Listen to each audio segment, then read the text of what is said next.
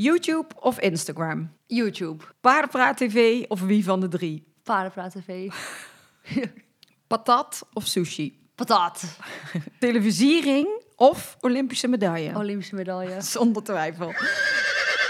We could be heroes. Leuk dat je luistert naar Horse Heroes. De podcast waarin Floor Schoenmakers van EHS Communications in een persoonlijk gesprek gaat met een hypische ondernemer. Elke week een nieuwe gast en ook elke week een leuke giveaway. Ze heeft 360.000 volgers op haar privé Instagram-account. Bijna 200.000 volgers op haar YouTube-account Paardenpraat TV. En een Insta-account met 100.000 volgers. Samen met collega Esra hebben ze duizenden en duizenden paardenkids als fan. Ze heeft een aantal paarden, waaronder ieders droompaard, de grote knappe Spaanse schimmel George. Ze was pas 17 toen ze deelnam aan het RTL 5 datingprogramma Take Me Out. In 2010 werd ze gevraagd voor het televisieprogramma Echte Meisjes in de Jungle, waar ze als winnaar uit de strijd kwam. Dit was het begin van een televisiecarrière die door de jaren alleen maar is gegroeid en gegroeid en gegroeid. Ze was meerdere malen tafeldame bij onder andere Bo, De Wereld Draait Door, Jinek en Humberto. Ze was de gast bij Waar is de Mol, Ik hou van Holland, Wie ben ik en Het zijn net mensen en nog veel meer. Inmiddels presenteert ze een aantal eigen programma's zoals Sep Sport, Brits Gouden Ouwe, We Want More en First and Last. Ze heeft zelfs een eigen film gemaakt en de tweede staat op de planning. Ze heeft boeken en agendas uitgegeven vol eigen illustraties. Ze is gek op haar familie en vriendinnen en haar hondje Matsie.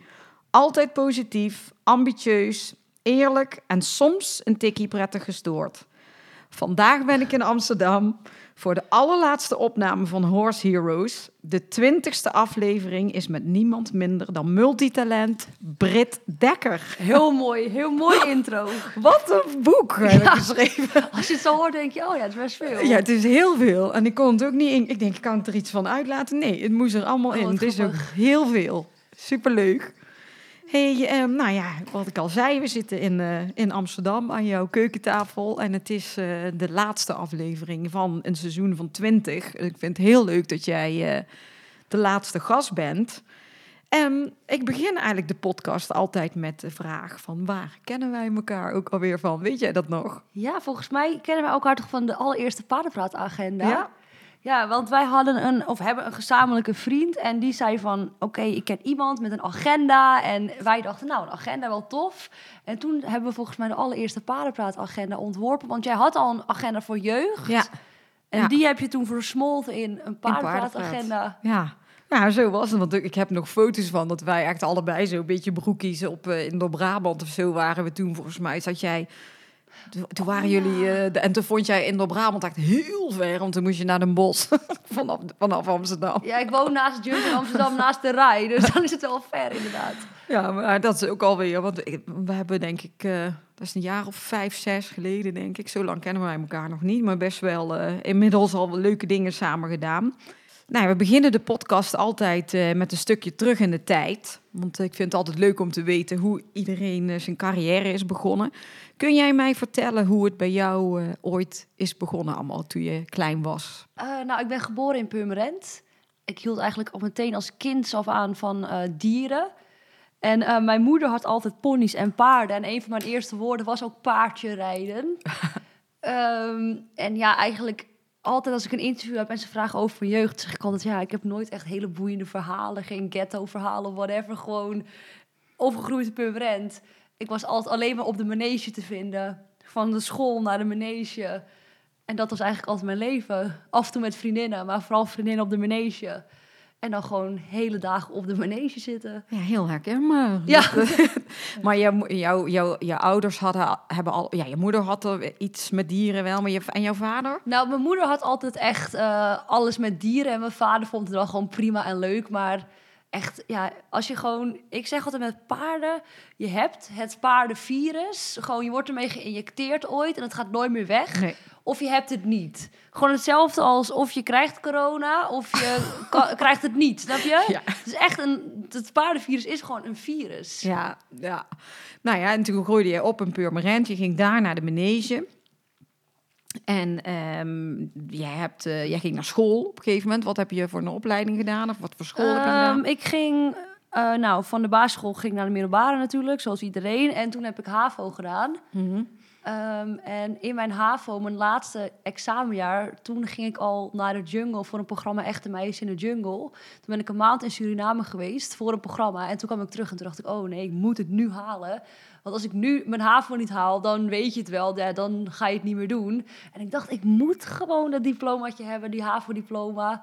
Eh, dat HAVO-diploma moet ik hebben, want het is gewoon top om te hebben. En dan heb je het gewoon op zak en anders ga je het nooit meer doen. Nee, En eigenlijk vanaf toen verliep het over in mijn HAVO-diploma halen. Na, ja, naar televisiewerk.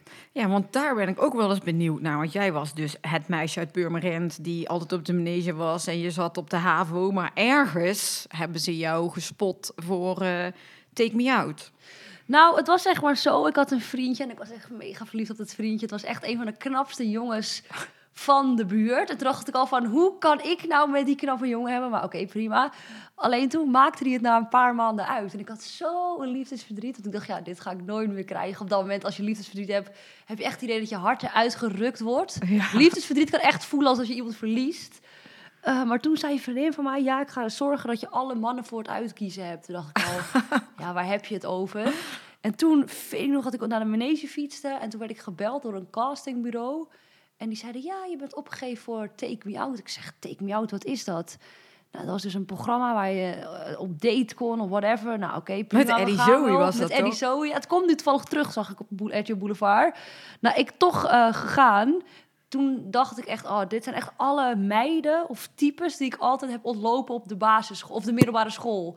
Van die hele opgemaakte, eh, extensions-achtige vrouwen. En toen dacht ik, oh, hier wil ik niks mee te maken hebben. Toen ben ik meteen weggegaan naar de eerste dag.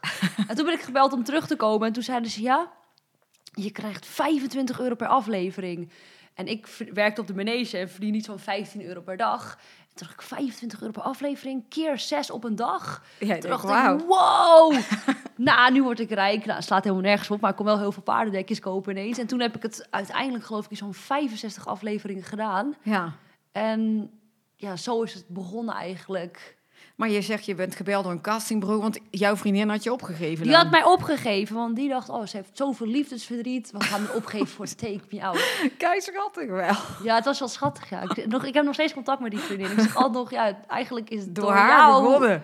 Ik had nooit het enige idee om beroemd te worden of bij tv te gaan werken. Of... Ja, maar jij zat, want ik keek ernaar. Ik weet nog wel dat Oh, ik echt? ernaar keek. Ja, ik vond het echt hilarisch ook gewoon wat daar gebeurde. Want eh, ja, dat, dat was toch dat er dan, eh, jullie waren dan met al die vrouwen in dat panel en dan kwam er zo'n 30 jongen. of 20 of zo stonden op een rij. En dan Ja. kwam er, zei Eddie. Zoe, eh, wie wilt een echte fan? En laat maar zien wie je bent. En dan kwam er zo'n lift naar beneden. Dan Ja. kwam er zo'n jongen uit. En die werd Ja. dan weggedrukt zo. Van, eh, ja. ben je eigenlijk ooit op date geweest met, toen? Nou, op een gegeven moment was ik wel echt klaar mee. Toen heb ik gewoon mijn lampje aan laten staan. En ben ik met een of andere piloot meegegaan, maar nooit op date geweest. Een lampje aan laten. Maar ja, daar heeft iemand jou eh, gezien. Denk ik. Nou, dat eh Take Me Out kwam echt heel vaak in de tv draait door. ja. Eh, met allemaal gekke, vage uitspraken. Dus eigenlijk door Take Me Out kwam ik in de wereld draait door. En zo is het een beetje het balletje gaan lopen van programma naar programma. Maar jij bent toen toch vlak daarna ook met, met Imke een programma gaan maken. Klopt, ja. Ja, met Imke, die ken ik van de jungle. Want toen gingen we met tien meiden naar de jungle. Maar z- zij zat toch ook een, een Take Me Out, of niet? Imke? Oh. Ja, maar Imke zat in een vorig seizoen, dus ik kende haar niet van Take Me Out. Zij was Oh. een seizoen eerder. Ja, ik wist wel altijd dat zij al de, de ster zeg maar, was van het eerste seizoen. Ja. Ze was altijd heel gek en grappig. En we, wij leerden ook, we kwamen pas bij elkaar in de jungle. Dus toen ben je echt een maand weg geweest ook. Ja, een maand in Suriname in hangmatten geslapen. Echt, eh, dat is echt heel heftig. Maar zat je toen al... eh, want je zit, bent nu al, eh, en al een hele tijd bij management natuurlijk. Bij Lenneke, bij Million Faces en zo. Hoe ben je daar eh, toen terechtgekomen? Hoe heeft Lenneke jou eh, Ehm, ontdekt, zeg maar? Ja, Lenneke die is eigenlijk manager van heel veel jonge talenten. Bijvoorbeeld Tim Hofman zit erbij, Marieke Elscha, Geraldine Kemper, ehm, Jan Verstegen, noem ze op. En Lenneke scout altijd hele jonge talenten. Dus Ja. ziet eigenlijk al gewoon iemand die gaat naar jong A, naar, naar voetbalwedstrijden en die denkt, oké, die zou ooit wel bij jong Ajax kunnen. Eh, dus ze had al heel vroeg contact opgenomen met mij en Imke. En of we dan bij haar management wilde. En wij zeiden allebei ja, helemaal prima. Want het is wel fijn om een soort muurtje naar de buitenwereld te hebben. Ja. En ik me altijd, als ik eenmaal met iemand werk, dan neem ik ook nooit meer afscheid. Als ik diegene vertrouw, zoals met mijn ehm fysicist heb ik al elf jaar. Lenneke, mijn manager, heb ik al elf jaar. Ja. En ik vind het heel belangrijk om gewoon... Soms zie je mensen die hebben steeds elke twee jaar wisselen hun vrienden. En dan weet je altijd van, oh oké, dus jij bent heel erg van het nieuw en dan weer afscheid nemen omdat het nieuwe eraf is. ja. Nee, daar hou ik niet van. Dus ik ben altijd wel dat ik echt lange relaties en vriendschappen opbouw, zeg maar. Ja, maar zij, eh, heeft, jullie, heeft zij er toen ook voor gezorgd dat, eh, dat jullie meededen met de jungle? Of liep dat toen al? Eh, volgens ja, voor heel veel word je natuurlijk ook gevraagd. Alleen op een gegeven moment na de jungle kregen Imke en ik een tweejarig contract bij RTL 5. Ja. En dat is wel echt Lenneke, want zelf bedenk je op die leeftijd nooit van... oh, we gaan voor een contract. Je hopt gewoon van programma naar programma en lang leven de lol. En zij maakte toen wel echt een plan van... oké, als we nu iets serieus willen gaan doen... dan moet er wel een vastigheid komen en een contract. Dus dat was wel heel tof dat ze dat geregeld had. Ja, maar in die tijd, ik bedoel, eh, als je jou vergelijkt met toen en hoe je nu bent. Ja, ik kwam toen echt... eh, Ik eh, had mijn hele leven op de manege gezeten. Ik kwam uit de klei.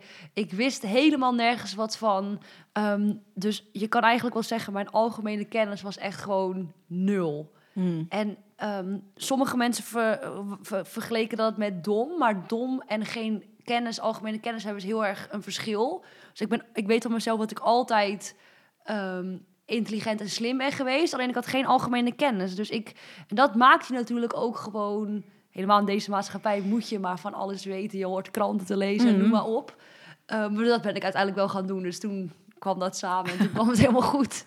Ja, maar ze hebben je best wel een tijdje als een typetje neergezet. En, en denken mensen vaak van, van is, was ze zo? Of is ze zo? Of was ja, het een kijk, het is natuurlijk ook gewoon eh, in programma's dan is iedereen zijn eigen character. Ja, Maar het is nooit dat ze het echt, zij het neer hebben gezet. Ik was zelf al degene die bepaalde dingen niet wist of ehm, gek over iets dacht of zo. Dus het is ook gewoon een soort ontwikkeling geweest. Want ja, toen was ik ook inderdaad 17, 18, 19 naar de, en nu 29. ja dan ben je Dan ook, ben je eh, inderdaad van jong. kind naar volwassen, Ja, zeg maar. tuurlijk.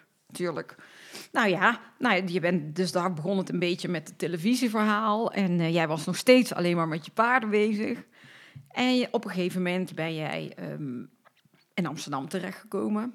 Ben je het huis uitgegaan? Hoe, eh, hoe ging Ja, dat? ik ehm, ontmoette bij een programma van mij en Imke mijn vriend Max. Dat was in 2013. Dat is geloof ik 21 of zo. En toen ben ik in Amsterdam gaan wonen.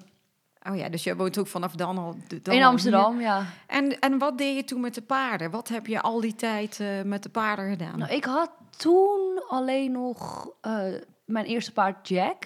En Ja. ik weet nog dat ik van mijn eerste televisiegeld mijn andere paard Yves kocht. Die heb ik nu nog steeds. En ik kende Yves al sinds Veulentje, maar ik dacht, ah, die ga ik nooit kunnen betalen. Toen ging ik natuurlijk onverwachts bij tv werken.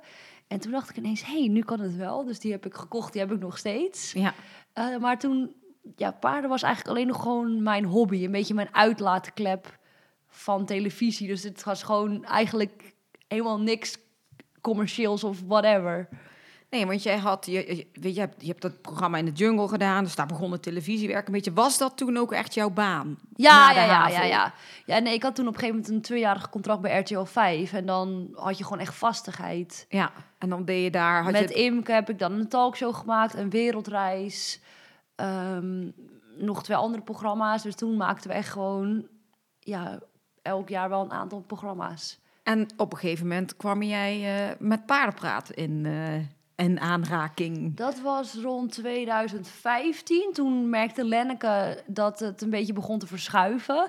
Eh, dus het, ja, je kreeg de Enzo Knols, de stuk-tv's, die scoorden ineens heel hoog online. Ja, Het lineaire televe- te- televisie kijken loopt dan natuurlijk al een tijdje terug. Ehm, doet hij het nog? Oh, ja. loopt natuurlijk al een tijdje terug. Oh, wacht even kijken waar ik was hoor. ja dat Lenneke al, eh, Oh ja, van ja, en zo eh, ontdekte. Ja, op een gegeven moment ontdekte Lenneke ehm, dat lineaire televisie kijken een beetje terugliep. Dus toen dachten ze, we moeten iets met online, we moeten iets met YouTube. Ja, En toen dachten we, oké, wat we gaan doen, wat past het meest bij mij? Toen dachten we, we gaan een paardenkanaal beginnen. Maar Tuvalu Media was een producent en die had al een paardenkanaal samen met Estra. Dat, Estra was daarvoor gekast en die Mhm. presenteerde alle paardenpraat. Ehm, en eerst wilden wij gewoon een eigen kanaal beginnen. Maar toen zei Toevloed tegen ons, die producent, van kunnen we niet kijken of we samen kunnen gaan. Want wij zoeken er nog iemand bij, want dan kunnen we meer video's maken. En in plaats van concurrenten te worden, zijn we toen gaan samenwerken. Ja. En dat was in 2015. Dat was in 2015, ja. ja. Ja, klopt. Of eind 2014 of begin 2015. En hoeveel vol? Weet je nog hoeveel volgers Paardenpraat had? Ja, het had toen 7000 volgers. Oh, echt waar? Dus al best wel goed. En die video's werden ook echt wel veel bekeken. Ehm, Estra had al die... eh, heeft natuurlijk is begonnen met al die eerste basisvideo's. Ja. En die deed het echt al heel goed. En de reacties waren echt heel leuk. Ehm, en toen, ik geloof dat het echt binnen drie weken... toen ging ik naar 10.000, 20, 30. En nu hebben we bijna 200.000. Ja, moet je kijken. Dus dat is wel echt tof. In een paar jaar tijd. Ja, Maar hoe vond jij het dan? Kijk, je, met YouTube ga je video's opnemen. Bij tv natuurlijk ook, maar bij YouTube eh, daar ga je echt op een hele specifieke doelgroep. Want jullie hadden een doel, of hebben de doelgroep van echt de, de kinderen, de paardenmeisjes allemaal. ja. Die inspireer je met jullie, eh, met jullie video's. En dan praat je tegen een camera. En dan ben je in je eentje of met Estra samen. En dan kom je in één keer op een horse event. En wat daar dan gebeurt. Oh, klopt. Hoe, ja. hoe is, ja, maar bedoel meer de. Toen jij besefte met paardenpraat dat je die hordes, hordes, hordes kinderen achter je aankrijgt, hoe, hoe vond je dat? Ja, ik was al op Horsevent geweest in 2014, want toen had ik Yves al. En toen, ik was natuurlijk al bekend van televisie, maar toen op een gegeven moment, een jaar nadat we het paardenkanaal hadden en we weer op Horsevent kwamen, toen hadden we ineens, we hadden een meet and greetje, hadden we, ehm, eh, hadden we gepland. En ik weet dat ik dat al had bij Horsevent, had je een bidstand. Ja. En die meet and greet die duurde altijd ongeveer een uur, anderhalf uur. En toen hadden we dat gewoon weer ingepland, een uur, anderhalf uur. Maar toen was ik ineens bij Paardenpraat en gingen Esra en ik samen een meet and greet doen. Ehm, dus dan had je en mij en dan Esra en natuurlijk het paardenkanaal samen. En toen ineens stonden we twee uur foto's te maken en de rij was nog drie keer zo lang. En toen dachten, zaten we te rekenen en dachten we, als we dit gaan doen, zijn we gewoon zes uur bezig. Toen hebben we die rij moeten afbreken. Ja, het was echt drama, want allemaal huilende kinderen. Maar dat was eigenlijk de eerste keer dat we echt beseften van... wow, dit zijn onze kijkers, weet je. We hebben Ja. heel vaak hebben we... nou, we hebben nu video's met een miljoen views. Sommige gaan over de honderdduizend. Maar daar zie je ze ineens echt. Dat je denkt van, oh ja, dit zijn ze, onze kijkers. En dat was echt heel bijzonder.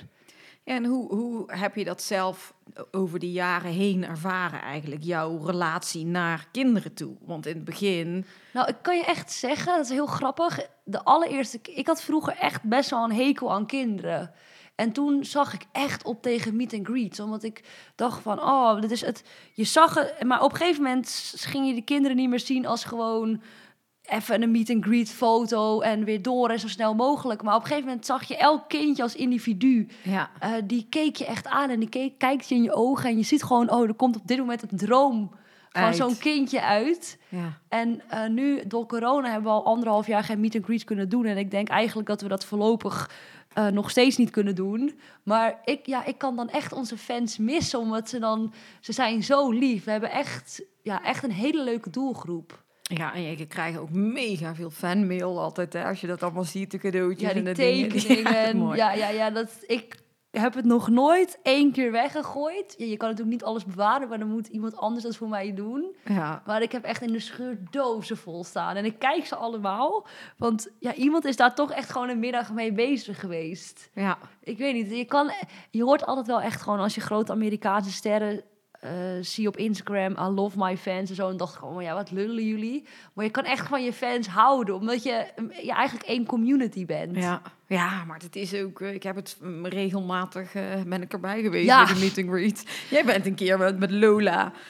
Was er een première van een film dat, je, dat jullie samen naar de film gingen, weet ik nog. Dat Lola met jou in de Ja, bioscoop zat. Ja, ja, ja, klopt. ik weet ja. alleen even niet meer welke film het was. Bixie, Bixie, Bixie of zo? Bixie and Friends? Zo'n Duitse film was het volgens Ja, ik weet niet meer. Maar toen dat was ook wel heel leuk dat je ook zag al die kinderen helemaal. Wow, ja, die kinderen. En ik krijg ook heel vaak van ouders te horen: oh, ze zijn zo'n fan. En dan, Ja. weet niet, het, is echt bijzonder.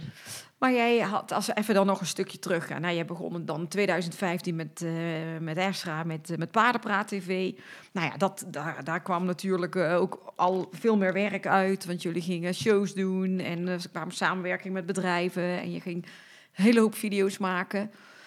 En op een gegeven moment brak eigenlijk jouw televisiecarrière nog veel meer door dan, eh, dan daarvoor. Ja, kijk, weet je wat het was? Ik was eigenlijk in 2015 wel even klaar met televisie, omdat ik dat YouTube ontdekte. Ja.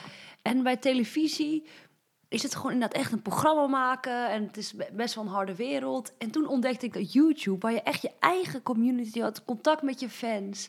En het was echt je eigen bedrijf en je eigen ding. Je kon t-shirts ontwerpen met je paard. En die kinderen droegen dat met alle liefde, waren Ja. helemaal blij. En toen dacht ik, ik vind het eigenlijk veel leuker. Ik dacht helemaal klaar met televisie. Ik dacht, ik vind het wel eh, weer mooi geweest. En uiteindelijk kwam ik een paar jaar later inderdaad weer bij De Wereld Draait Door. En toen kreeg ik eh, allemaal programma's en zo weer aangeboden. Toen dacht ik, nou, ik heb nog steeds geen zin in televisie. Wat was ook weer de, wat was toen de aanleiding dat Nou, jij in de wereld draait door kwam? Ik kwam in de, ik weet niet, maar waarvoor ik in de wereld Draait door kwam, maar ik weet in ieder geval aan het einde. Mijn vader was mm, niet heel lang geleden overleden.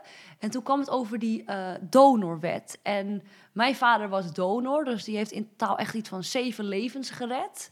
Van de tien organen die hij gedoneerd heeft, zijn er zeven echt bruikbaar geplaatst. Daar kreeg ik ook helemaal zo'n brief van. En dan stond er vrouw, eh 29, ehm, nier of zo. Of, maar goed, dat was heel bijzonder. Maar ik weet, toen zat ik bij Matthijs en die begon over de donor, over mijn vader die donor was. En toen had je net Prem gehad. Die had helemaal gezegd waarvoor het allemaal stom was, die donorwet. En toen vertelde ik aan Matthijs waarvoor ik het wel goed vond. En toen, geloof ik, brak ik in tranen uit. Ja, en, ik weet het. Ik weet zo die aflevering. ja dat, het was, Zat jij daar niet trouwens voor? Dat ging dat toen niet over die paarden en die, en die, die wild, die bij die plassen en zo. Nee, dat was zoiets? bij Jinek, Oostvaartse Plas. Ik, het zou wel iets met Maar het paarden... maakt niet uit. Er was iets met paarden. Waarom Ja, ik jij zou iets met paarden, want de rest was niet belangrijk. En toen begon, maar de donor begon over die donorwet. En ik weet de dag erna, ehm, geloof ik, met twee stemmen meer is die donorwet toen he- doorheen gekomen. Ja. En toen heb ik echt nog ehm, in een brief van Alexander Pechtold of zo ergens gestaan dat hij mij ook een soort van bedankt dat ik er ook mee te maken had met die donorwet, omdat ik gewoon vanuit mijn hart vertelde waarvoor ik het wel goed vond. Want ja. en ik vind het nog steeds goed, want waarvoor zou je niet iemand anders zijn leven kunnen redden? En ik vind dat je altijd mag beslissen over je eigen lichaam. Dus als je denkt van ik wil het echt niet, moet je natuurlijk het gewoon niet kunnen doen. Maar nu is het gewoon natuurlijk gewoon zo dat als je gewoon niks invult, ben je gewoon donor, klaar. ja. Ik Ja, heb zoiets, je dat bent toch dood? Wat, eh, Ja, maar dat programma, want het, Maar goed, achter, daarna kreeg ik weer heel veel televisieaanbiedingen. Echt heel veel ook van eh, Talpa. ehm, nou ja, en- het ging helemaal los op Twitter natuurlijk. Klopt, en dat is altijd zo, zo werkt het, weet je. Dan krijg je ineens weer heel veel tv-aanbiedingen. Maar ik had nog steeds geen zin in. Want ik vermaakte me prima met die paarden en dat kanaal. Ik vond het ideaal. Toen ben ik, had, dacht ik van, oké, ik ga gewoon lekker bij Afrotros werken. Want dat is, Afrotros is een super fijne partij. Het is de NPO en dat is heel ehm, lekker zacht en... eh, ja, ik, vind, ik hou heel erg van de NPO. Het is, niet, het is gewoon een minder harde wereld. En ik dacht, ik ga kinderprogramma's maken, want dan ben ik helemaal lekker in de luwte. Ja. En dat was ik gewoon van plan om dat alleen nog te doen wat betreft televisie. En toen kwam uiteindelijk ehm Erland met zijn dochtertje Lissy op eh, stal. En toen hadden we het er zo over. Erland Galjaard was natuurlijk de baas van RTL. En nu werkt hij samen met eh, John de Mol. En toen hadden we het een beetje erover. En toen zeg ik, nou, ik ga niks meer doen. En ook geen programma's voor volwassenen, want ik, die wereld past me gewoon niet meer. En toen zei ik voor de lol, het e- de enige reden waarvoor ik dat nog zou doen, is als ik dit paard krijg. Toen liet ik George zien, want die had ik ooit een keer op een filmpje bij Emily Scholtes Ja. gezien. En ik dacht, nou, daar hoor ik nooit meer wat van. Nou, Toen wel heb ik dus. Emily geërfd. Ik zeg, eh, ja, ik heb dit gezegd. Is hij te koop? Ik zeg, nee, hij is niet te koop. Toen dacht ik, oh, dat wordt een hele dure. Ja, jij, hebt, jij hebt toen naar mij ook nog zitten app, had je mij filmpjes gestuurd van kijk nou dit. Ja, die, dat is zo te gek dat dat is geleerd. Ik Ja, dacht toen, echt, het gaat echt niet door.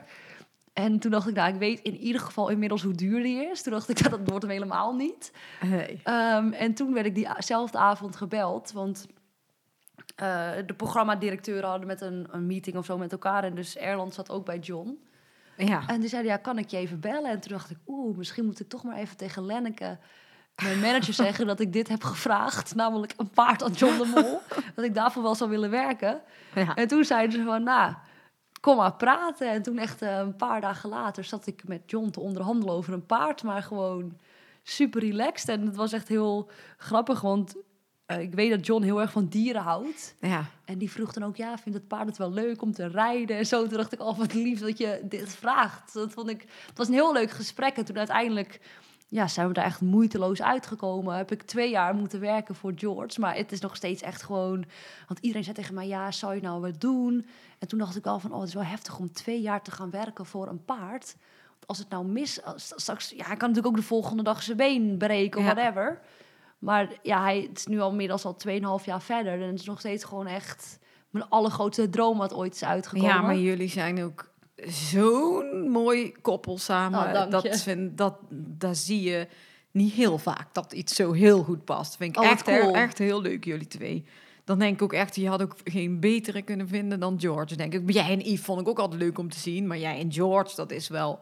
Ja, George, kijk, Yves is echt, dat is echt een soort poppetje. Ja, Maar George is een, ehm, echt een ster. Je Ja, ziet aan hem, hij hij, hoort op ook. posters in de bioscoop. Hij weet het ook. Ik heb nog heel vaak contact met Annabel Collins, Ja. de vorige eigenares, en. Augusti. Ja. En die zeggen ook nog steeds van, we zijn zo blij dat hij bij jou terecht is gekomen. Dus dat is wel heel leuk. ja maar hij, je ziet hem ook gewoon eh, blij zijn en doen. Maar ja, George, hoe oud is George? Ja, Yves en George zijn allebei, allebei 12. En jij hebt hem nu al een tijdje, je bent hem nu eh, weer eh, uit het brengen ook, hè? Je gaat... eh, We kunnen eindelijk weer op wedstrijd. ja. En welk niveau start je hem nu? Ja, ZZ licht. Want ik heb eigenlijk ben ik wedstrijd begin, be- ja, begonnen met Yves. Dus we Mhm. moesten echt gewoon in de B beginnen. En dan tussen je tv-carrière door is het soms wel lastig. En Yves is altijd best wel heftig op wedstrijd. Dus het is altijd spannend. Ja. En eh, toen was ik met Yves, ehm, mochten we set 1 starten. En toen kwam George. Dus ik ben met George verder gegaan in het set 1. En ja, door corona heb je natuurlijk echt gewoon weer een achterstand. Maar ja, we mogen nu al bijna set set zwaar. Dus we gaan nu echt proberen te klimmen op die Het trap. gaat want steeds, eh, gaat steeds beter zo. ja, dat is echt heel leuk. Ja, dat zie ik ook. Maar als jij, want eh, dat denk ik iedere keer wel, hè, want ik weet hoe hard je werkt. En je moet en alle video's doen voor paardenpraat. En je bent alles met tv continu druk aan doen. En je moet die paarden nog rijden. Hoe dan? Ja, het is wel echt gewoon één grote puzzel. Ik heb eigenlijk nooit een dag vrij. Nee. Ehm, maar de paarden heb ik echt nodig om te ontladen. Zonder de paarden word ik echt super ongelukkig. Dus die probeer ik altijd wel erin te fietsen. Ik ben wel elke dag gewoon ergens rond tien uur thuis. Ehm, maar tv-programma's gaan nu wel goed, want ik doe veel studioprogramma's. En We Want More, een heel seizoen neem je op in vier dagen. First and Last met Martien Meiland namen we op in vier dagen. Wie van de drie neem je op in vier dagen? Dus dan heb je eigenlijk al je hele, voor het hele jaar je programma's opgenomen in een aantal dagen. Dus dat is wel fijn. ja. En paardenpraat is eigenlijk het, het, het meeste werk. Daar maken we meer dan 60, ik alleen al meer dan 60 video's per jaar, Estra 60 video's per jaar. Ehm, en dan alles er nog omheen. Ja, en bij paardenpraat ben jij best wel zelf de regisseur. Je verzint heel veel zelf natuurlijk wat daar gebeurt. Dat zijn echt jullie eh, creatieve ideeën daar. En tv is natuurlijk een script en alles. eh, ja, Maar wa- wat ik ook wel even interessant vind om te weten... want jij hebt eerder natuurlijk meegedaan in programma's... of je bent tafeldame of je doet mee in een show... en dan ben je in een panel, weet ik veel wat. Dan ga je in één keer presenteren. Ja, dat is wel wat anders, ja. Ja, want ik weet nog dat jij de, de, de, de trainingen een beetje kreeg... van hoe moet je met de Autocue. autocue... Ja, ik had nog nooit een autocue gezien. Hoe was dat? Ehm, nou, kijk, je staat natuurlijk in de studio met 200 man crew om je heen, vaak nog publiek erbij. En in het begin eh, vond ik het echt wel heel eng. Ik moet zeggen, met Martien, ja, dat is gewoon een cadeau om met hem te werken, want ik schiet continu in de lach. Ja, dat snap ik. Echt een wereldfan. Het is echt een van mijn favoriete collega's. Maar dat was wel heel groot en spannend. En We Want More weet je gewoon, oké, We Want More, dat is de voice van SBS. Eh, John zit te kijken. Dit is mijn enige, enige kans ooit. Want hij kan iedereen krijgen die hij wil. Als het dan goed gaat, dan is het wel heel tof. Maar tv is heel anders dan YouTube. Het is heel groot. Het is echt een soort van adrenaline shot om de 10 minuten. Omdat het zo eh, groot en magisch is. Ja. En daarom vind ik die combinatie wel heel leuk. Maar hoe voel jij je daar? Want bedoel, wat ben jij voor een... Als jij jezelf omschrijft qua karakter, jij bent niet per se zo'n... Podiumbeest. Nee. Nee, nee, kijk, met de paarden vind ik een show geven veel minder eng, omdat je dan met z'n tweetjes bent. Ik weet gewoon, ik ben samen met George en dan heb ik het allemaal niet meer zo, dat publiek niet meer door. Maar daar sta je in je eentje en ik balanceer altijd op het randje van vind ik dit nou helemaal geweldig of vind ik dit veel te eng? Ja. En het is altijd een combinatie en mix. Ehm, maar het is wel leuk, omdat ik nu steeds meer leer. Dan merk je echt dat je gaat ontwikkelen. Want waar ik eerst heel zenuwachtig voor was... zoals bijvoorbeeld het voorprogramma van een televisiering... dat doe ik Ja? al drie jaar. ja. Daar kon ik echt gewoon niet van slapen. Heb ik nu zoiets, oh, ik heb er zin in. Dus dat is altijd zo. Als je iets vaker doet en je wordt er beter in... dan ga je het steeds leuker vinden. Ja.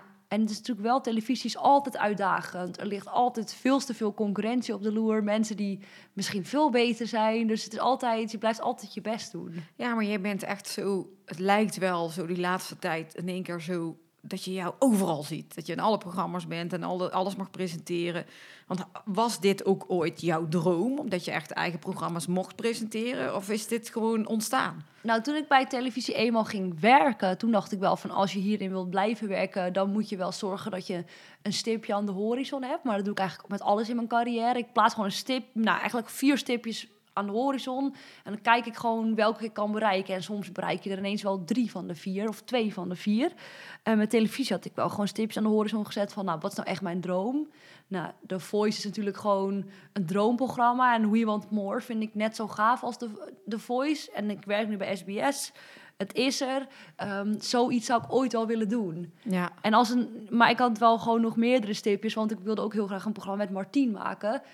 En ja, anders zou misschien dat uit zijn gekomen. En nu toevallig allebei. Dus ja, Ja, je moet- precies. ik zeg altijd, zet gewoon zoveel mogelijk stipjes. Probeer zoveel mogelijk waar te maken. En als er dan iets mislukt, dat maakt niet uit. Want je hebt nog andere doelen, zeg maar. Ja, maar je vindt, je vindt het allebei... Ik bedoel, dit is, het is je werk, maar je vindt het wel fantastisch om te doen. Ja, het is heel leuk werk. Maar de paarden is eigenlijk ook je werk. Het is je hobby, maar ook je werk. En als je nou... Want dat zeiden we in die dilemma's, hè. Van als je nou echt die televisiering eh, elk jaar mag winnen...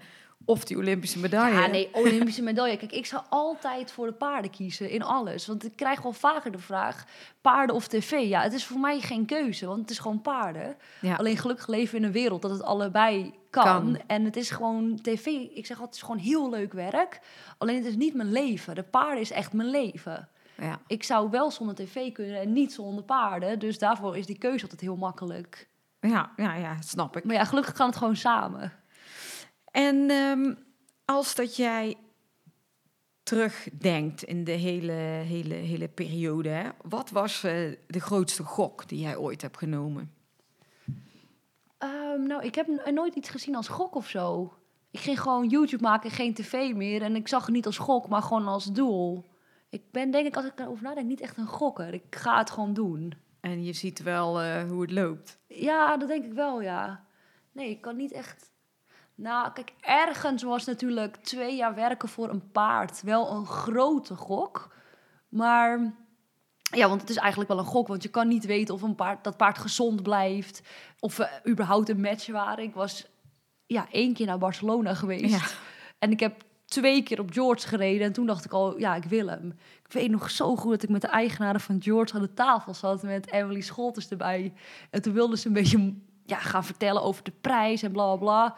En ik zei meteen, oh, daar hoef niet over te hebben, is goed hoor. Ja. En toen zag je hun echt kijken. En ik heb nog gewoon in de paardenwereld het van verschillende mensen teruggehoord. Dat hun het zo bizar vonden dat ik gewoon zei, nee, dat is goed hoor, Ja, ik wil zo hem. gaat het natuurlijk normaal niet. Nee, dacht gewoon, ik wil hem. Daar gaan we niet moeilijk over doen. Nee, gaat gewoon gebeuren. En je hebt, eh, je toen is er een documentaire gemaakt. Het was ook leuk hoe hij naar Nederland kwam. Hè? Dat was een van Ja, de ja, ja. dingen die jij, eh, die je toen hebt gedaan. En ehm, de film. Dat was natuurlijk Ja, ook een van jouw een, dromen. eh, want droom. Ik, dat weet ik nog, toen, toen wij elkaar net kennen. Dat jij al iedere keer zei, oh, ik wil zo graag een keer echt, echt mijn eigen paardenfilm Oh, maken. zei je dat? En Oh, ja, wat grappig. Als je dan op een gegeven moment het gedaan hebt, heel veel vervaagt ook weer. ja, Maar ja, een eigen bioscoopfilm is natuurlijk ook wel een droom. ja. En toen kwam George. Hadden we al iemand die een film wilde maken.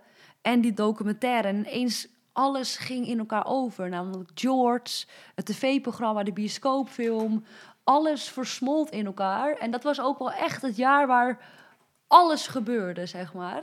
ja. Dus dat was heel tof. En ja, nu gaan we al deel 2 maken. Dus dat is ook wel heel gaaf. Ja, en dan gaat George daar eh, meer en jij ook weer meer mee Ik ga er meer in spelen, want ik vond het echt heel bijzonder dat echt gewoon... We hebben alleen maar goede recensies gehad. Die kids vonden het helemaal geweldig. Hebben me echt allemaal tien keer gekeken. Oh ja, Het enige wat ze vonden is dat ik er te weinig in speelde. Ja.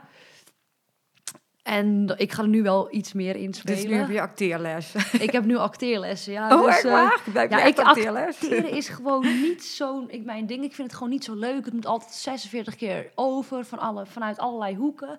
Ik ben gewoon televisie gewend dat ze gewoon keihard gaan. Ja. En ja, fictie is natuurlijk gewoon. Ja, maar dan, ben je ook, dan kun je ook zijn wie jij bent en waarom Ja, iedereen jou zo ja, leuk ja. vindt. En als je moet acteren, dan moet je... een bepaalde houding, gaan- rol. Ja. Ja, ja, het is mijn ding niet. kan je niet gewoon jezelf zijn? Ik kan wel gewoon mezelf zijn, maar als er een scène is waar de stal in de fik gaat, kan ik niet wel lollig lopen doen. Want ja, gaat trouwens in de opening waarschijnlijk komt er een stalbrand. Dus Oh. dan. eh, nee, maar ik bedoel, dan ben je in, in de film in paniek. Dus je moet wel in paniek Ja, spelen. En, heb je dan echt op een acteerschool of ga je daar Eh, trainingen? nee, of ik doe dat? nu eh, acteerlessen volgen bij de regisseur. Die eh, doet heel veel jonge talenten begeleiden. Dus we doen mijn scènes echt spelen, zeg maar. Wel leuk ook wel weer. Weer iets nieuws, Ja. toch? ja, wel leuk. Ja, het, actrice kan weer erbij op het lijstje. Ja. Ik heb ook weer, ook weer aangevinkt. Vinken. En jouw, eh, nou ja, je, je, je- jouw vader is een paar jaar geleden overleden. Dat, dat is ook, dat is, 2017. ja, ik wou zeggen, een jaar of Ja, drie, november vier. 2017, ja.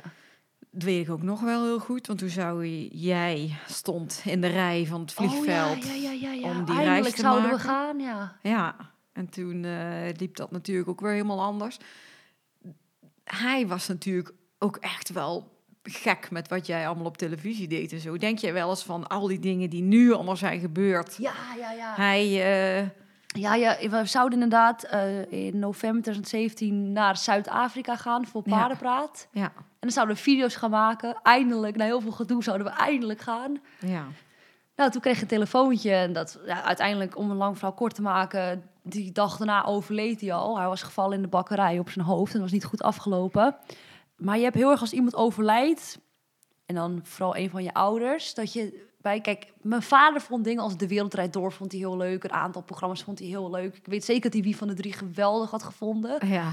En dan alle dingen die je doet, waarvan je weet dat had hij geweldig gevonden, denk je toch van, ah shit, ik had hem even willen bellen of appen of even hem willen laten zien. Want natuurlijk de première in Tuschinski voor die White Star film, die bioscoopfilm over paarden, daar had je gewoon je vader in smoking willen ja. zien staan. En dat had hij echt prachtig gevonden. Of Joep van het Hek had een column over mij geschreven. Ja, die column, dat was ook te gek Dat toen, hij ja. mij de nieuwe Johan Cruijff vond. Nou, Ja. echt super vet dat hij dat, dat, dat had geschreven. Mijn vader was mega fan van Joep van het Hek. Die stond altijd uren in de rij voor kaartjes in voor het theater. Dan denk je gewoon echt als eerste van... Shit, weet je wel, dit had ik willen laten lezen. Ja, maar denk jij nooit soms van... Oh, misschien zijn dat wel van die... Ja, weet niet. Van die dingetjes dat dat dan toch iets met je vader te maken heeft. Toen dat met de wereld draait door. Want dan door dat programma is Heb het eigenlijk George. helemaal Ja, losgegaan. En dat Ja, was dan ja. de lievelings van jouw vader. En daar zeg je iets over je vader. Toen moest je zo... Ja, toen ging Ja, je... ik brak echt, want ik ging al... Mijn vader vond DWDD, De Wilde Door en Matthijs van Nieuwkerk helemaal geweldig. Maar hij zou niet over jouw vader beginnen. In dat programma, toch? Ze hadden nou, ze eh, hadden, De Wereld Draait Door is echt gewoon een mega netjes programma. Ja, En die zeiden over die donorwet. Ik had ze echt een half uur van tevoren aan de lijn voordat ik er was. En toen zeiden ze van ja, misschien kunnen we iets vragen over de donorwet. Toen dacht ik wel van oh nee, niet iets over mijn vader, want het is Ja. nog veel te vers. ja. Dat kan ik helemaal niet aan. Maar de wereld Draait door is mega netjes. Het is niet eh, een goor showbiz programma Nee, of nee, zo. nee. Ehm, maar goed, ik had er helemaal voor de rest niet op gerekend. Ik dacht misschien ook helemaal niet. Maar mijn vader ging altijd mee naar de wereld door. En ik heb allemaal nog gewoon, als ik foto's of filmpjes van mezelf zoek in de wereld door, zie ik gewoon letterlijk mijn vader achter, Achter zitten. zitten.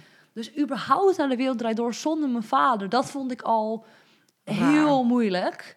Dus ik zat er al een soort van gestrest. En als we dan nog ook erover beginnen, ja, dan was het echt gewoon een mini scheidingslijntje tot breken. Maar ja, tuurlijk. Maar ja, het lijkt wel alsof vanaf daar Vanaf daar is wel, begon ja, ja, klopt. Dus dan is het misschien toch je vader die ergens mee Ja. eh, gaat zorgen dat dat weer helemaal dat die bij jou is. Hey, en jouw mama, die eh, Anja, Ja, dat is natuurlijk ook eh, zo'n cool mens die altijd erbij is en eh, op Horse Event en eh, overal is ze erbij. Jouw moeder die werkt in de zorg. klopt, ja. Dus die heeft een heftige tijd meegemaakt in de afgelopen periode toen er Ja. corona was. Hoe heb jij eigenlijk de hele... Het is nu gelukkig eindelijk voorbij, maar deze hele serie begon midden in de, in de coronaperiode. Oh, ja, ja, ja. Dus ik ben wel heel eventjes benieuwd, hoe heb je... Hoe, hoe- waar was jij eigenlijk mee bezig toen het uitbrak? Weet je dat nog? Oh, nou, ik weet dat we 11 maart zaten we nog in het programma Brits Gouden Ouwe in het bejaardenhuis. Het was een programma over dat ik drie weken in het bejaardenhuis inmiddels zat. We zouden er zes weken zitten. Mhm. En eh, ik weet dat we 11 maart erin zaten. Toen zouden we een paar dagen stoppen, want ik zou een show geven met eh, Joop en Renate op t- 12 maart op Indo-Brabant. Ja, Nou, dat ging natuurlijk al eh, niet door. Toen kwam 15 maart de lockdown. Dus dat programma in het bejaardhuis, de, alle bejaardhuizen gingen dicht, stopte. En toen weet ik natuurlijk, de hele wereld viel even stil. Dus ook in de televisiewereld, want niemand kon even meer opnemen of bij elkaar zijn. Want dat was gewoon, niemand wist wat er precies aan de hand was. En toen al vrij snel, toen kwamen er, eh, toen de scholen dichtkwamen, kwam er eh Sap Live Extra. Dat was gewoon een drie uur lang live programma waar je gewoon kinderen ging vermaken ja. op NPO 3. En dat ben ik toen met Klaas van Kruistum. ehm, hij deed het elke dag en ik kwam af en toe eh, hem helpen. Dat heb ik toen gedaan. En toen op een gegeven moment, televisie werd al heel snel weer opgestart. En we moesten wel altijd eh, zo'n stok in je neus om weer, ehm, ja, om weer iets te mogen doen. eh, weer iets te mogen doen. Dus iedereen bij televisie is denk ik wel honderd keer getest. Ja. Maar iedereen moest natuurlijk thuis zitten, helemaal met die avondklok. Dus er moesten wel televisieprogramma's komen om iedereen een soort van te kunnen vermaken. Want op een gegeven moment is je Netflix ook wel een keer op. Dus ik heb eigenlijk ehm, ja, heel, gewoon nog wel doorgewerkt. De paardenvideo's kon je natuurlijk gewoon opnemen, want het was op stal. Ja. Moesten we wel zelf vloggen, want ja, je ging natuurlijk ook geen cameraman meer op je stal. eh, dat mocht ook niet meer. Maar het enige wat ik niet heb gehad, was heel veel eh, shows met de paarden. En dat vond ik ook eigenlijk wel lekker, dat je even niet die stress had. ja. En dan meet and greet niet meer in het weekend. Dus mijn weekenden werden wel rustig. Dus Maar ja, jouw, jouw moeder die, eh, ja, die werkt dus in de zorg. Wat, wat heeft zij precies voor een, eh, voor werk? Wat doet eh, ze is precies? eh, IC-assistent, dus ze helpt IC-arts. ja. Dus ehm, ja, bij hun kwamen de meest heftige gevallen kwamen er binnen. Ehm, en ja, waar iedereen eigenlijk een soort van niks deed, deed zij gewoon tien keer zoveel. Dus ik maakte me wel altijd heel erg zorgen om mijn moeder. Van, oh, als ze maar geen corona krijgt, als ze maar geen corona krijgt. En het heeft iets van meer dan een jaar volgehouden. ja. En net in februari, toen werd ze heel ziek en kreeg ze op de valreep corona.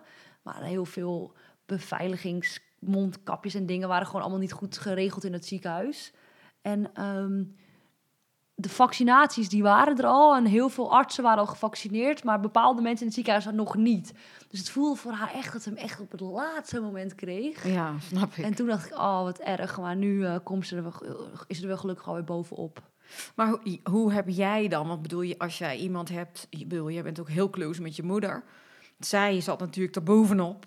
En je hoorde een heleboel mensen allemaal, die allemaal meningen hadden over dat hele corona-verhaal. Maar jij hebt best wel heftige verhalen ook wel gehoord. Ja, ja. Heeft dat jou eh, nog beïnvloed met hoe jij... Ja, als ik al die domme influencers zag, hashtag ik doe niet meer mee, Ja. dan was ik wel degene die ja, daar ja, opdook. dat, want dat was dus... eh, Toen was ik degene die zei, ja, kom, doe even normaal. En dat werd ook wel gelukkig heel goed ontvangen. Maar je hebt natuurlijk gewoon heel veel van die wappies. En die geef je normaal geen aandacht. Maar als zo'n groep zo groot wordt, met zoveel influencers die zoveel volgers hebben. En die gaan dan hashtag ik doe niet meer meedoen. Ja, dat was met die Famke Louise toen, Ja, toch? toen dacht ik echt van, ehm, ja jongens, doe nou even normaal. Met je doe niet meer mee. Ga lekker een dagje in het ziekenhuis meelopen. Kijken of je daar nog niet meer meedoet. Ja, ja, maar dat is bij jou ook wel vaak. Dat jij best wel stellig een ding kunt zeggen. Klopt, waar ja. iedereen dan weer... eh, en dat vond ik eigenlijk wel een heel goeie dat je het toen Ja. hebt gedaan. Heb je daar ook eh, tegenreacties op gehad van collega's of zo? Dat mensen zeiden... Nee, collega's niet, maar je hebt natuurlijk altijd weer een paar mensen die dan een soort van die hashtag doe niet meer mee groep steunden of zo. Maar wel heel veel, ja, wel, ook, ook wel veel collega's die zeiden van ja, wat goed. Maar ja, kijk, dat soort dingen boeien mij nooit. Ik heb zoiets van, als maar gewoon mijn jonge doelgroep ook een tegenbeeld krijgt, gaat het wel gewoon... Dat je Ja. wel gewoon, doe, hou je gewoon aan de regels. Niemand heeft er zin in. Niemand heeft het ooit nog meegemaakt. Iedereen wil het opgelost hebben, maar we hebben niet de oplossing zo makkelijk op een blaadje, weet je. Maar probeer wel gewoon je best te doen. Ja, precies. Nou ja, en nou eh, zijn we er eindelijk bijna vanaf. Mondkapjes hoeven binnenkort niet meer. eh spuitjes zitten erin.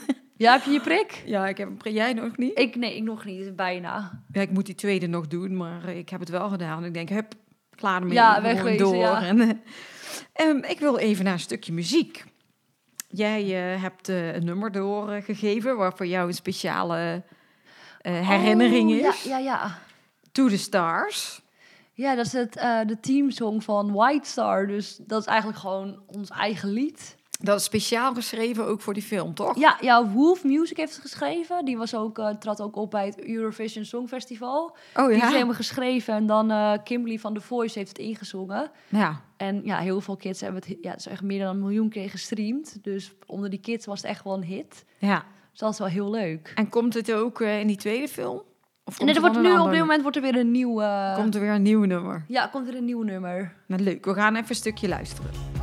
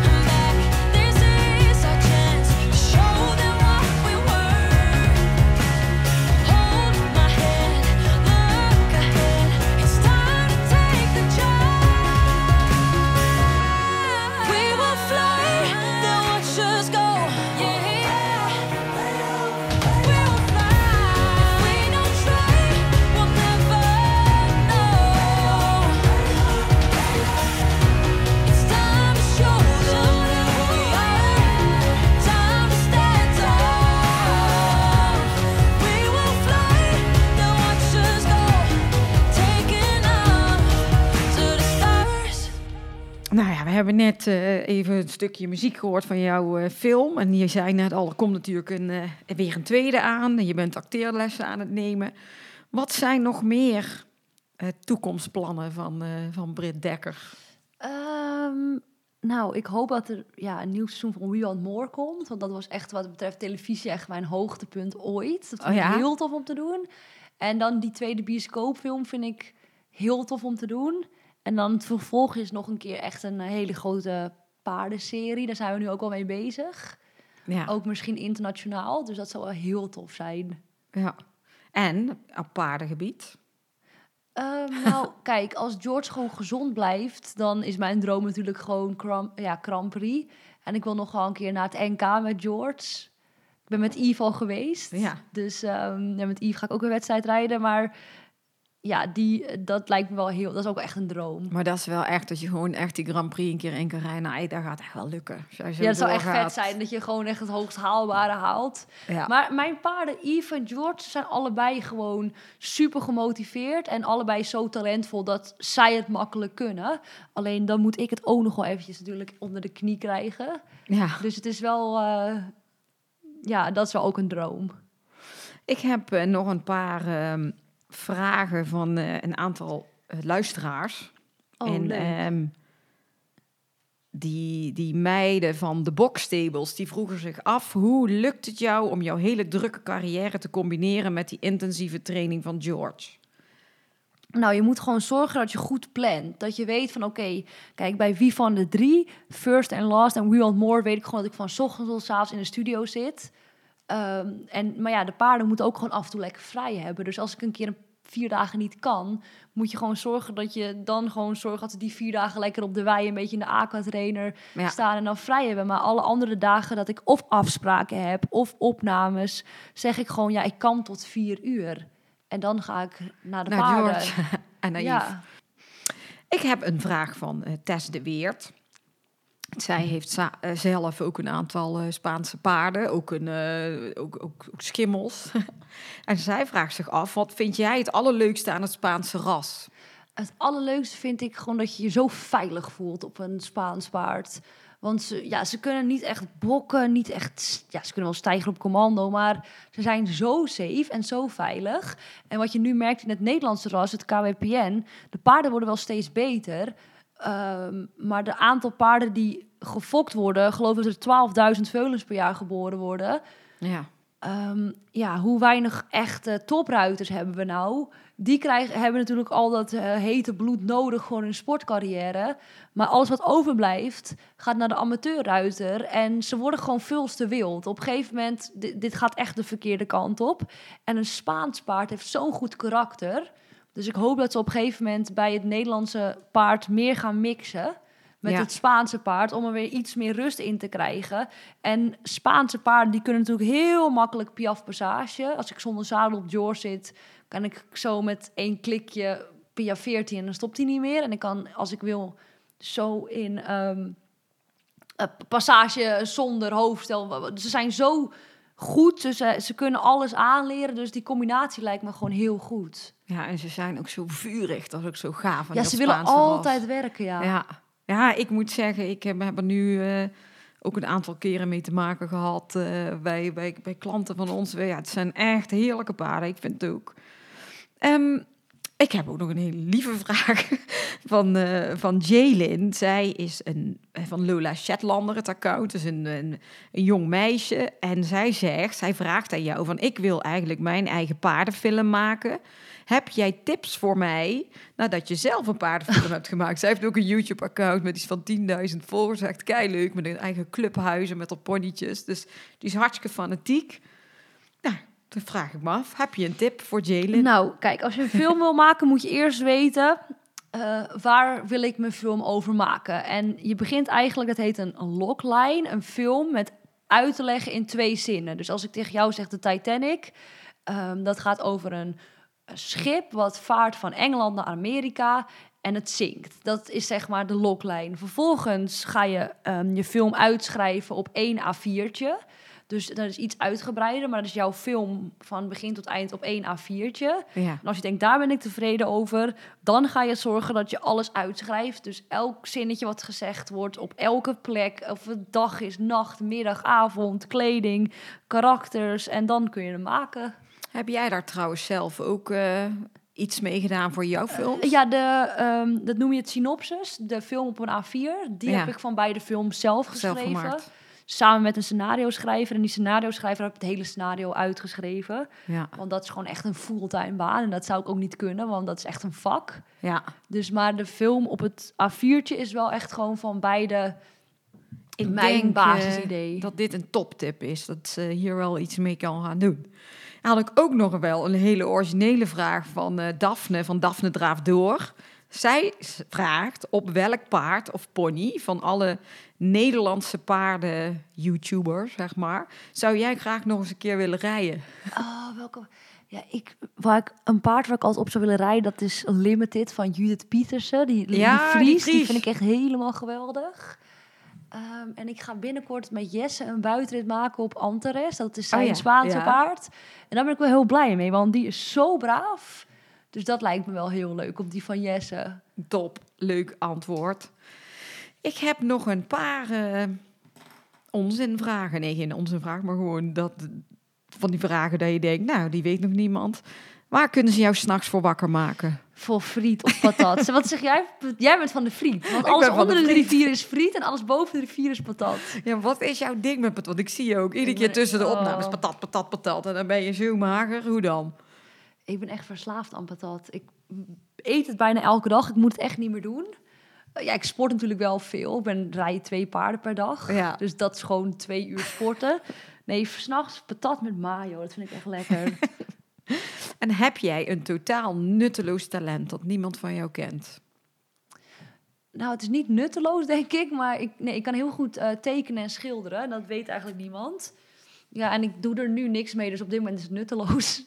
Nou ja, daar had ik wel eh, in, in die intro iets over gezegd. Want je hebt natuurlijk best wel heel veel boeken ook gemaakt. En eh, die agenda's hebben we een aantal jaar gemaakt. En eh, daar heb jij alle illustraties ook voor Oh gedaan. ja, toen was het inderdaad niet nutteloos. Nee, klopt. Nee, dus ze staan ook in de boeken en in het doeboek en zo. klopt, mij ja, ook. ja, ja. Dat is hartstikke leuk. Kan jij ook nog iets mee doen op YouTube, zoals Jill op YouTube. Dat Ja, precies. leer je de kinderen Jill paarden tekent, tekenen. ja. Zou jij dingen anders hebben gedaan als je van tevoren wist wat je nu weet? Nee, ik zeg altijd nooit. Want ja, je moet, je, is zonde van je tijd om erover na te denken. Het kan toch niet meer terug. Als je, ja, natuurlijk heb je wel eens dingen waarvan je denkt van... oké, dat leer ik. Ja. Eh, maar ik zeg altijd, ja, je hebt eh, winnen of leren. En verliezen, dat bestaat niet. Dat vind ik ook. Daar ben ik, naar terugdenken heeft ook helemaal geen zin. want nee, je kan wel leren, maar niet, ga niet je tijd verdoen om er spijt van te hebben. Want dat heeft geen zin. En wat vind jij in jouw eh, televisiecarrière? Wat was voor jou het meest memorabele moment daarin? Dat je denkt dat was echt tof, of leuk, of grappig, of niet Ehm, leuk. We wonnen met Sepsport de zilveren ster beste jeugdprogramma. En dat is natuurlijk magisch als je dat eh, wint. En ik vond dat ik op een gegeven moment op het podium stond naast Wendy van Dijk. ehm, voor de jury bij Huan Moor. Toen dacht ik echt van, oké, wauw. Een talentenshow van John de Mol. Gewoon de man van The Voice, van Big Brother. Dat ik dat gewoon als simpel Purmerends iemand gehaald heb. Dat vond ik wel echt een mijlpaal. Ja, snap ik. Dat is ook wel eh, helemaal tof dat dat toen gebeurde. Heb jij nog eh, dat je denkt, er is nog wel één programma, dat zou ik wel heel graag ooit willen presenteren? Ehm Eén programma wat ik heel... Ja, ik, voor nu ben ik echt gewoon... Kijk, nee, ik ben echt blij met Want More. We hadden laatst hadden we een soort...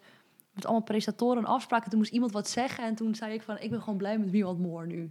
Ja, Dus ja, ik vond dat echt heel vet. Maar ik denk misschien over tien jaar dat het ook weer verandert. Want op een gegeven moment wil je meer misschien richting de human interest kant en mooie verhalen maken. Maar nu vind ik tot, ja, dit gewoon heel vet. maar zou jij bijvoorbeeld ook een, eh, ooit in Jinek willen zijn? Nee, een talkshow is niks voor mij. Nee, dan moet je zoveel algemene kennis je hele leven opgebouwd hebben. Dat ga ik nooit meer inhalen, denk ik. dat valt wel mee. Oh, je moet gewoon zo overal de hele tijd op reageren. Ja, dat, moet je, eh, nee, dan moet je 's ochtends al beginnen met kranten lezen. Ja, dat lijkt me ook heel Ja. Waar kan jij je mateloos aan ergeren? Oh, waar ik me echt aan kan ergeren. Ja, heel veel hoor. Ik ben wel echt snel geïrriteerd. Ja, ik vind file vind ik gewoon echt zonde van mijn leven. Dan kan ik helemaal gek worden. En ik irriteer me ook aan mezelf dat ik altijd te laat ben. Dat, dat je denkt, had ik nou maar tien minuten eerder weggegaan. Ja, ben jij, jij bent een altijd te laat komen. Ja, ik word nu wel beter, maar gewoon eh, als je gewoon te laat weggaat, gaat gewoon alles in de knoop. En dan heb je zoveel stress om niks. Dus dat is ook wel gewoon heel irritant. Oké, heb ik eh, de allerlaatste vraag. Wat is in het leven het allerbelangrijkste voor jou? Eh, het allerbelangrijkste in het leven is denk ik vrienden en familie. Samen met de paarden natuurlijk. Dus vrienden, familie en je dieren. Want ik denk als je 90 of 100 of 80 bent en je kijkt op je leven terug... al die succesjes in je carrière of eh, mislukkingen in je carrière... of gekkigheidjes of dingen waar je stress over gehad hebt... Dat, dat denk je niet meer aan. Ik denk gewoon dat je kijkt als je 90 of 80, 100 bent... dan kijk je gewoon, oké, dit is wat ik nu om me heen heb verzameld... en dat is gewoon, denk ik, het allerbelangrijkste. Eigenlijk je basis. Je, je basis is het belangrijkst. Ja. Ja, heel mooi vind ik ook. Ben ik het mee eens. Nou, lieve Brit, ik vond het heel leuk dat jij eh, mee hebt gedaan aan mijn eh, allerlaatste podcast. Of ja, allerlaatste van dit seizoen in ieder geval. Ja, 20 heb je er gedaan, hè? echt veel. 20. Ja, dat is ook echt superleuk. Ook, Als je erop terugkijkt, wat vond je, welke, welke zou je niet meer vergeten? Welke podcast? Nou, allemaal eigenlijk niet meer. Want je, je hebt bij iedereen steeds een ander verhaal. Dat Ja, je dacht, oh, ja, dat wist ja. ik helemaal niet. En je krijgt allemaal andere dingen. Het waren alle disciplines, allemaal hele andere types. Dus het, het is echt maar als, ik, super. als je nu zegt, want ik ga zo een, drie kwartier in de auto zitten, dat je zegt van deze moet je echt luisteren. Ja, chef. Chef, ja, ja, dat is ook mijn favoriet. Ik ben ook chef Want ik vond sowieso dat chef al meedeed. Maar chef is ook echt de enige waarvan ik de hele podcast op het puntje van mijn stoel zet. Van Ja, wat gaat hij ja, doen? ja. Wat gaat hij zeggen? Nee, het was hartstikke... Ze, ze zijn allemaal echt... Ze hebben allemaal een eigen heel mooi verhaal. Maar chef is gewoon wel een beetje Ja, hij is nuchter. Ja, ik ben echt fan van chef. Top. hey, wat we ook altijd doen, is eh, nog een giveaway op het einde van de, van de podcast. En eh, dat iets wat we weg kunnen geven aan de luisteraars eh, van, van Horse Heroes. Heb jij ook iets leuks? Wat nou, ik, ik dacht als we ehm, de film hebben, de tweede bioscoopfilm, twee kaartjes voor de première. Oh, leuk. Dat is wel heel cool. Ja, en weet je, wanneer gaat die uitkomen? Dat weten we nog niet. Waarschijnlijk volgend jaar. Ja, Maar dan ehm, kun je het nu alvast winnen. En als hij dan uitkomt, als er een, première is, dus die met corona en alles, weet je. Wel, dan, dan is het voorbij. Ja, het gaat gewoon komen, maar dan als je de kaartjes wint en de première is er, dan Te mag je erheen. Ja, en ik, dat was heel leuk. Ik Dat was, was bij die vet, eerste, ja. dus dat was hartstikke tof. Nou, superleuk. Wat moet je daarvoor doen? Laat eh, een beoordeling achter op Apple Podcast of een reactie onder de Facebook of Insta post van vandaag. En ja, de bedoeling is toch wel dat we na de zomer terug gaan komen met een eh, tweede seizoen. Daar ben ik nog even over het broeien hoe Ja, dat heb je al namen in je gedachten? Ja. Nee, het blijft wel Horse Heroes heten, maar of we dat toch... nee, welke eh, gasten? Wat, wat, wat, zou, wat is nou nog een droomgast die je zou willen hebben? ja, ik Je hebt er zoveel gehad. Ja, weet je, het zijn vooral die verhalen die heel Ja, leuk zijn. ja. Die iedereen vertelt. Weet je als jij dat ook vertelde van toen jij klein was en waar je vandaan komt en hoe het dan. Dat is gewoon heel leuk om te weten. En ieder mens heeft een verhaal. Dus ik blijf toch die verhalen wel Ja, zoeken. precies. Dus, en we hebben inderdaad nu wel een hoop bekende namen gehad. Die ik zelf leuk vond, die in die twintig jaar eh, van mijn bedrijf een beetje iets betekend hebben. Leuk. En eh, nou ja, we gaan het zien. We gaan eh, de zomer in. We gaan het horen. En super bedankt. Ik vond het hartstikke leuk. Geen dank. En bedankt voor het luisteren. Tot over een tijdje. Doei. We could be heroes.